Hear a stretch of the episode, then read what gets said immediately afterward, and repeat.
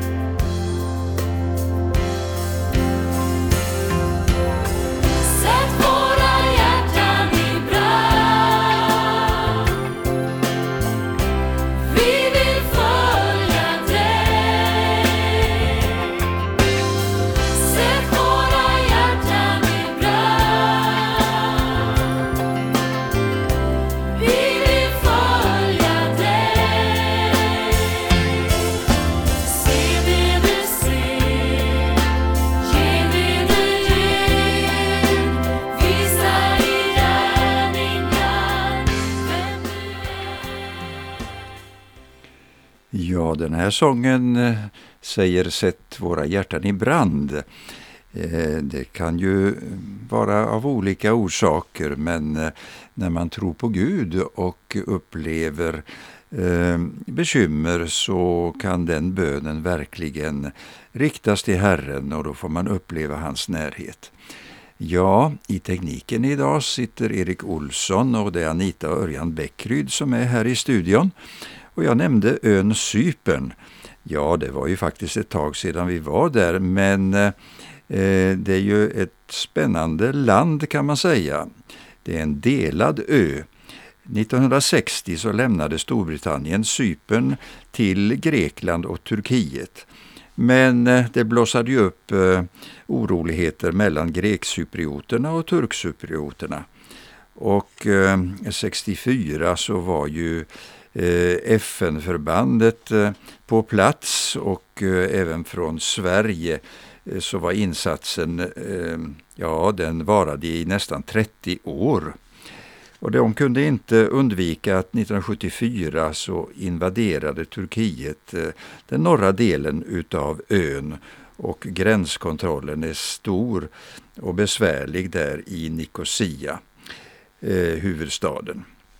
Ja, vad är det då som gör att den här ön nämns idag? Jo, det var ett kusinpar som härstammar därifrån och som det berättas om i Bibeln, i Apostlagärningarna.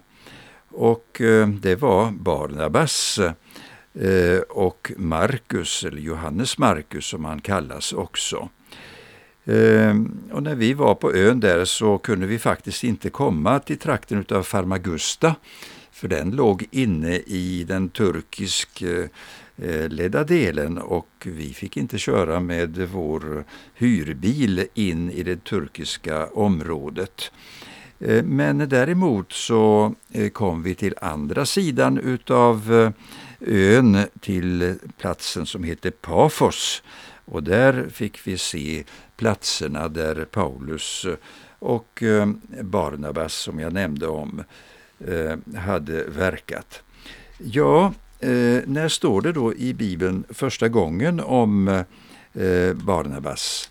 Ja, det är i det fjärde kapitlet i Apostlagärningarna. Och där står det att Josef, en levit från Cypern som apostlarna kallade Barnabas, tröstens son, sålde också en åker som han ägde och lämnade pengarna framför apostlarna. Ja, det var ju så att den första kristna församlingen där i Jerusalem eh, den hade en egendomsgemenskap. Eh, de visste ju att staden Jerusalem skulle förstöras enligt eh, profetiorna som Jesus hade framburit.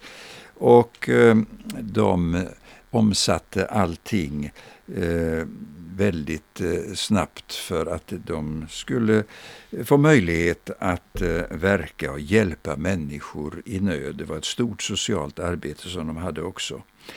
Och eh, här står det om Barnabas, som han kallades, från Sypen. Eh, tröstens son, ja det märker vi verkligen att eh, det var en man som kunde eh, Eh, ta vara på situationerna för att hjälpa trösta och uppmuntra på ett speciellt sätt. Och det gjorde han här genom att eh, delta i den här insamlingen och eh, sälja en åker som han ägde. Ja, när står det sedan om honom? Ja, det är det nionde kapitlet. Ja, där står det om att eh, Saulus från Tarsus, ja det var ju han som senare kallas för aposteln Paulus, han hade ju omvänt sig och vistats en tid ute i öknen för att eh, helt gå igenom vad han förut hade lärt sig. Eh, han var ju en mycket studerad man, men han fick revidera hela sin kunskap eh, om Gamla testamentet och la märke till naturligtvis på så många ställen där det berättas om Jesus. Och eh, när han sedan efter den vistelsen i öknen kommer till Jerusalem, ja då var det ju inga som vågade ta emot eh, den här Saulus från Tarsus, för han hade ju verkligen förföljt de kristna. Eh, han eh, andades hot och mordlust, står det till och med, eh, mot de troende och eh, hade ju fått uppleva en väldig förvandling där i, i närheten av Damaskus där han också skulle gripa de troende. Men eh, nu kom han alltså som omvänd till Jerusalem och man vågade inte ta emot honom.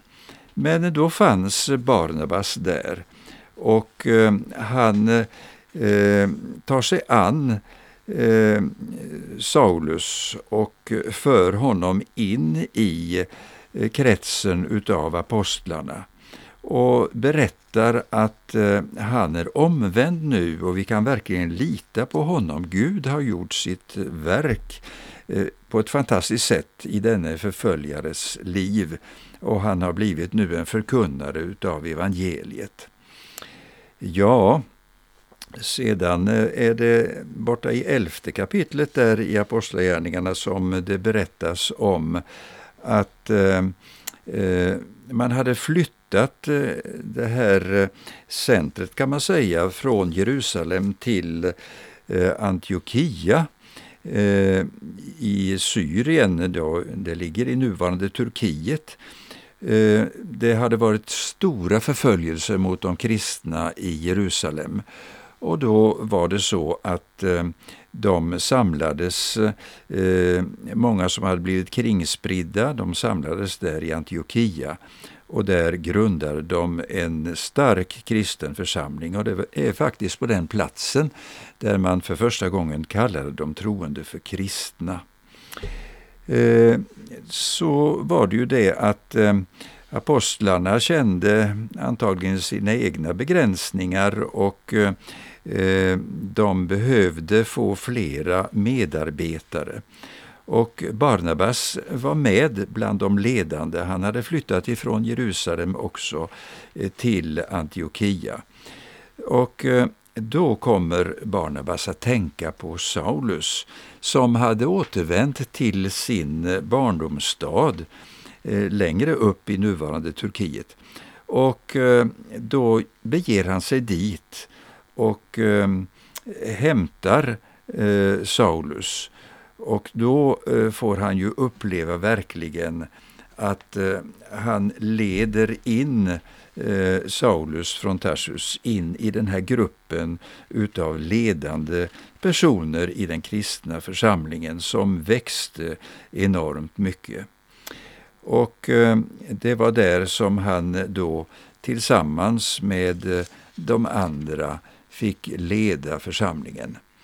Så kommer vi fram i 13 kapitlet i Apostlagärningarna och då berättas det ju om den första missionsresan eh, Eh, som Saulus eh, och eh, Barnabas gav sig ut på.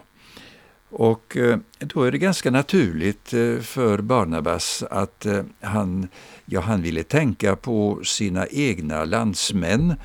Han var ju israelit och bodde ju i det, bland de sprid, utspridda eh, Eh, israeliterna. Men eh, han kände att han ville gå till sin hemö och där berätta om Jesus. Eh, och när de kom till Salamis så förkunnade de Guds ord i de judiska synagogorna. Och sedan reste de över hela ön, står det, och till slut kom de till Pafos. Och det där i Pafos, i andra ändan av ön kan man säga, 20 mil ifrån där de hade gått i land. Där borta eh, var det en trollkar som eh, hade eh, tjänat mycket pengar och eh, eh ställt till mycket elände egentligen. Och eh, då får eh, Saulus eh, från Tarsus då, då tar han eh, Eh, det första steget. Det verkar som om Barnabas var den första som, eh, eller den främste av de två, men eh, från och med det här tillfället så kallas Saulus, då kallas han för Paulus som är den grekiska formen utav hans ord, hans namn. Och det blir en, det blir en stor befrielse. Det händer en livsförvandling där. Eh, den här trollkaren eh, blir, ja, han blir omvänd och eh, det blir en stor rörelse. Det var intressant vid vårt besök i Pafos för där fanns det en pelare och där menade man att eh, Paulus hade fängslats och varit bunden vid den pelaren där och eh, även blivit slagen. Ja, det var motstånd på många platser. Men eh, Barnabas och eh, eh, Paulus kunde dra vidare till nuvarande Turkiet. Ja, vi ska lyssna till en sång och den sången är För den här världens skull. Och varför berättar vi detta? Jo, för den här världens skull så behöver vi som kristna engagera oss. Och vi behöver ta efter verkligen eh, sådana här fina exempel som Barnabas, som eh, verkligen ställde upp och som trodde eh, på den här omvände Saulus och eh, var med att leda in honom så att han verkligen blev den stora aposteln Paulus. Vi lyssnar till sången för den här världens skull. Jag lägger ner mitt liv, jag ger tappar kontroll. Ser aldrig tillbaks, jag ger dig allt jag har.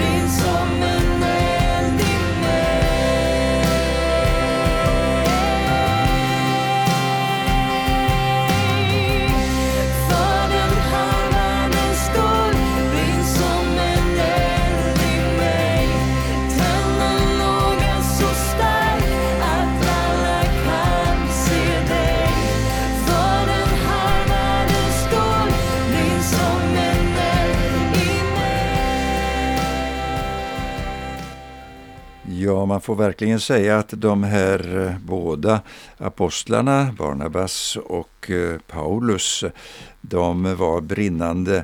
Hela världen behövde få höra budskapet. Nu var det så att de hade med sig också Barnabas kusin eh, Johannes Markus. Och det är faktiskt han som har skrivit Markus evangeliet. Johannes Marcus eh, hade nog en annan läggning än Barnabas. Eh, han tyckte nog kanske att det blev eh, väldigt mycket motsättningar och svårigheter, så han vände tillbaka och ville inte fortsätta längre i det här teamet. Och det här var en prövning verkligen för Paulus.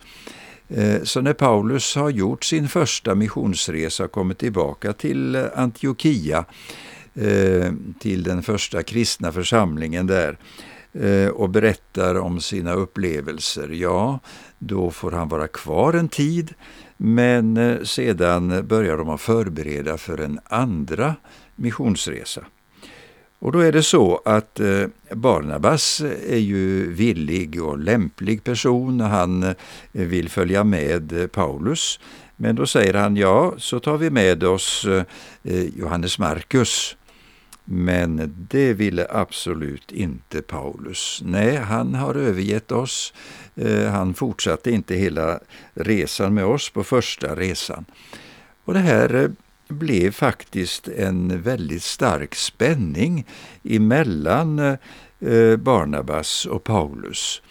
Eh, kan det vara så kristna ledare emellan? Ja, man hade olika åsikter. Man skildes inte som ovänner, men Paulus tog med sig en annan medarbetare som hette Silas och Barnabas tog med sig eh, Johannes Markus och reste över på nytt till Cypern. Eh, och eh, Paulus då, ja han tog landvägen istället och eh, eh besökte församlingarna som hade grundats und under den första missionsresan eh, som säkert hade varit ett par år. Och eh, där besökte han de olika platserna igen och eh, eh gladdes över Guds verk som hade gått framåt där. Ja, eh, vi kan se faktiskt att det här blev en väldig välsignelse utav detta. Det blev ett par team som får ut istället. Och eh, vi ser i avslutningen utav Paulus liv att eh, det var ett väldigt gott förhållande mellan honom och eh, Markus. Eh, när Paulus vistas i eh, Rom i eh, fångenskap, då eh, vill han verkligen ha Markus eh, hos sig och eh, han ger hälsningar och säger ta med dig Markus hit, han är till god hjälp i mitt arbete. Ja, eh, där hade faktiskt eh, Paulus fått se att det här eh, arbetslaget, Barnabas och Markus, fungerade väldigt väl. Och eh, som tur var så visade Barnabas sin personlighet som tröstare och som uppmuntrare och eh, tog med eh, Markus och tyckte inte att loppet var kört. Han hade ju varit med och föra in Paulus i eh, apostlakretsen och eh, tack vare eh, honom kanske är det att vi har Marcus evangeliet. Han tappade inte modet utan han skrev ner, kanske som den första eh, utav evangelisterna, det evangelium som bär hans namn. Och eh, Markus eh, hade kanske inte mött Jesus. Det där eh, funderar man lite grann på. För det var så att eh Eh, han är den enda som berättar om vad som hände, eh, en händelse i alla fall i Getsemane, när Jesus fängslats. Eh, då skriver Markus om en ung man som hade skyndat sig dit. Och vi vet att Markus mamma hade en bostad i Jerusalem. De hade nog kanske någon, något Eh, arbete och eh, hade också den här lägenheten i Jerusalem. Och Jag tänker mig att eh, Markus hade hört talas om Jesus och kanske följt honom lite på avstånd eller kanske rent av som lärjunge en tid. Men han rymmer på något vis ifrån hemmet där och han sveper om sig troligen sitt lakan Eh, för att komma ut och eh, för att se, för han har hört talas om att Jesus riskerar att råka illa ut. Och eh, då går det så illa att när han blir upptäckt utav de här soldaterna som har kommit för att fängsla Jesus så sliter de av honom det här tygstycket som han har svept omkring sig och han får springa utan kläder hem igen. En pinsam upplevelse. Men eh, man tror att det är mycket möjligt att det är Markus som eh, berättar om det här, att han upplevde detta. I vilket fall som helst så gjorde han noggranna efterforskningar. Och eh, han hade en annan läggning än vad Paulus hade men blev till välsignelse. Och kunde noga Eh, också skriva ned vad han visste och vad han hade hört om Jesus. Och det är ju så med Bibeln att den är inspirerad av den heliga Ande och det är därför som det är så fantastiskt intressant att läsa och att varje eh, evangelium kompletterar vartannat. Ja, ska vi lyssna till en sång? Eh, Mer av dig sjunger Bo Järpehag. Ja, så var det för Markus. Han fick uppleva mer av Jesus därför att Barnabas tog sig an honom. Nu lyssnar vi.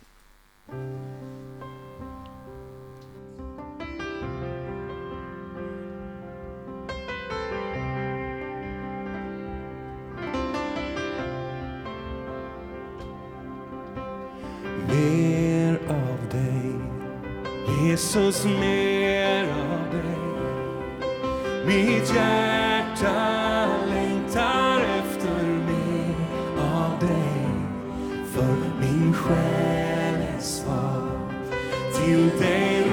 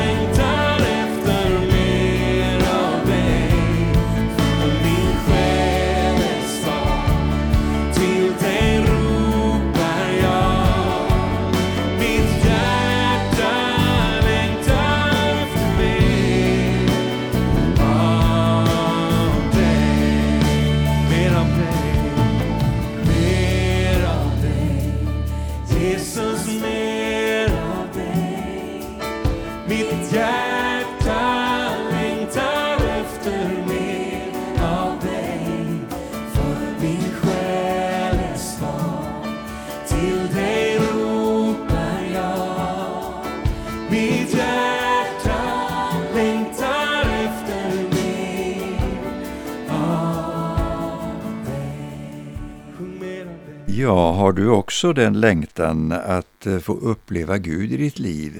Be det då tillsammans med mig i denna stund. Herre, vi tackar dig för att du har sökt dina vittnen och de har varit villiga att gå. Herre, vi vill också följa dig. Vi vill eh, gå i dina uppdrag. Tack att du har en plan, en vilja att vi ska leva för dig och få uppleva mäktiga ting i din gemenskap.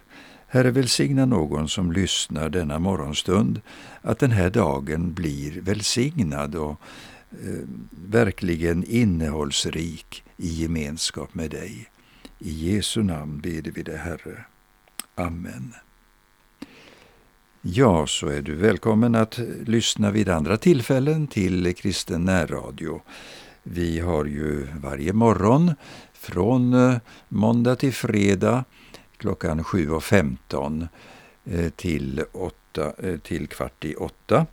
Och då är vår tid slut nu, men vi önskar dig verkligen Guds välsignelse och vi hoppas att du fortsätter och lyssnar och framför allt att du söker i Guds ord, i Bibeln, det som är livets väg för oss alla. Gud välsigne dig.